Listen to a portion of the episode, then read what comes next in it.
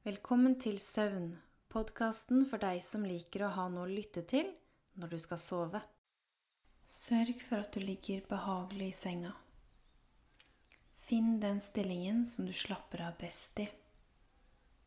Fluff litt på puta, eller trekk dynen godt opp eller ned, akkurat slik som du liker det. Nyt komforten av å ligge i senga og muligheten til å slappe helt av. Når du kjenner at du slapper av og ligger godt, er det på tide å roe ned pusten. Trekk luften inn, og føl hvordan kroppen beveger seg. Pust ut, og kjenn hvordan kroppen senker seg og slapper av. Bevegelsen av pusten din ligner på bevegelsene til bølgene. Innpusten er vannet som trekker seg tilbake til havet. Utpusten er bølgen som knuses mot stranden og gir slipp på den energien som den kom med.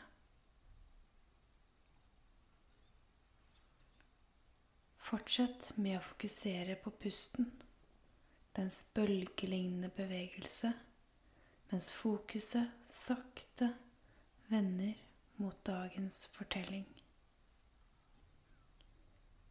Se for deg en tid for lenge siden. Årstallet er usikkert, men det er en tid før du, dine foreldre og dine besteforeldre ble født. Det er på mange måter en enkel tid, men også en litt tøff tid. Man er ikke så opptatt av elektronikk og andre ting som ikke er oppfunnet engang. Heller ikke av å vise folk rundt seg at man lever det perfekte liv. Det er heller gleden ved de enkle tingene som får regjere i denne tiden. Lykken over enkel, god mat med de nærmeste. Trygghet i en hverdag som er lik. Selv om noen drømmer om å prøve nye ting, oppdage og utforske.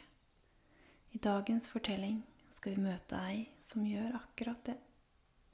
Hun får riktignok et lite puff til å oppdage hva som finnes utenfor veien, som hun vanligvis går så målrettet på.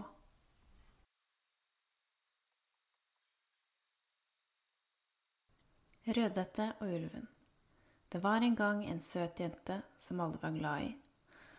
Og den som var aller mest glad i henne, var gamle bestemor.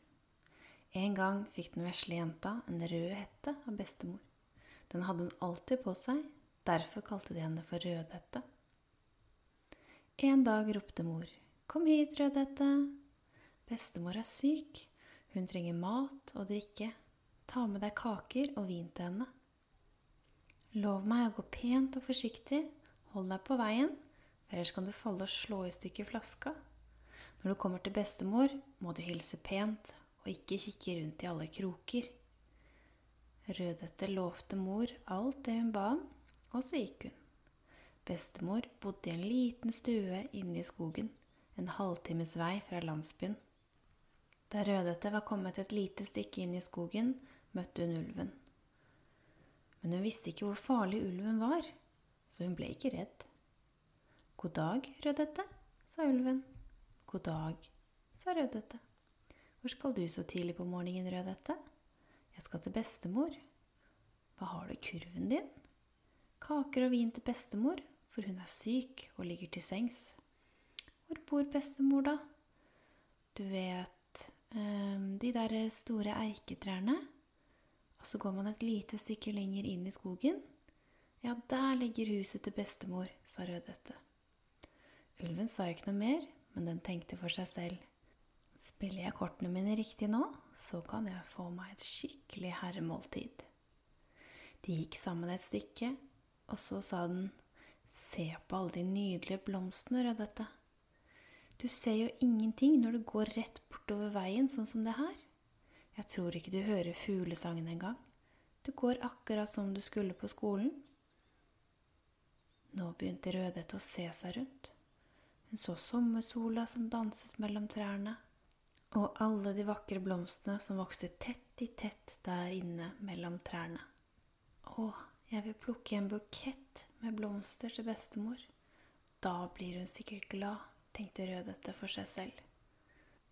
Mens Rødhette var opptatt med å plukke blomster, fortsatte ulven videre, gikk like bort til bestemors hus og banket på. Hvem er det? spurte bestemor. Det er Rødhette som kommer vin og kaker til deg. Lukk opp, sa ulven. Bare kom inn, for jeg klarer ikke å åpne døren. Ulven gikk inn og slukte hele bestemor. Han kledde på seg klærne hennes og la seg i senga. Imens gikk lille Rødhette ut i skogen og plukket og plukket blomster. Da hun hadde plukket så mange at hun ikke kunne bære flere, husket hun at hun skulle gå til bestemor. Hun skyndte seg til huset ved de store eiketrærne. Døra sto åpen, og det syntes hun var rart. God morgen, ropte hun, men ingen svarte. Hun gikk nærmere. Inne i sengen, inne på soverommet, der lå bestemor under dyna. Hun så litt sånn skrøpelig ut. Hun hadde gjemt seg godt under dyna. Men det var noe som var litt rart. Hvorfor har du så store ører, bestemor? spurte Rødhette forskrekket. For at jeg skal kunne høre deg bedre, barnet mitt. Men bestemor, hvorfor har du så store øyne? Å, det er for at jeg skal kunne se deg bedre. Men bestemor, Hvorfor har du så store hender? Det er for at jeg skal kunne fange deg. Men bestemor, hvorfor har du så stor munn? Det er for at jeg skal kunne ete deg. Så for ulven opp av senga og slukte stakkars vesle Rødhette. Men nå var ulven så mett så mett at den nesten ikke klarte å røre på seg. Derfor bestemte den seg for å legge seg ned i senga ta en liten lur. Ulven sovnet og sov godt. Ja, den sov faktisk så godt at den begynte å snorke høyt. Den snorket så høyt at en jeger som gikk forbi, hørte det. Han gikk inn i huset og fikk se ulven. Da skjønte han hva som hadde skjedd. Han tok fram kniven sin og skar opp magen på ulven. Ut kom Rødhette. Å, jeg var så redd, det var så skrekkelig mørkt inni magen til ulven. Så kom bestemor frem. Hun levde ennå, men det var nesten ikke noe pust igjen i henne. Jegeren fylte magen til ulven med steiner. Når han prøvde å reise seg, sprakk magen. Nå var alle tre glade. Jegeren tok ulveskinnet og gikk hjem. Bestemor spiste kakene og drakk vinen som Rødhette hadde hatt med seg i kurven og da følte hun seg straks mye bedre. Rødhette var lettet og glad over at alt hadde gått bra til slutt, og at bestemor tross alt endelig hadde fått det bedre.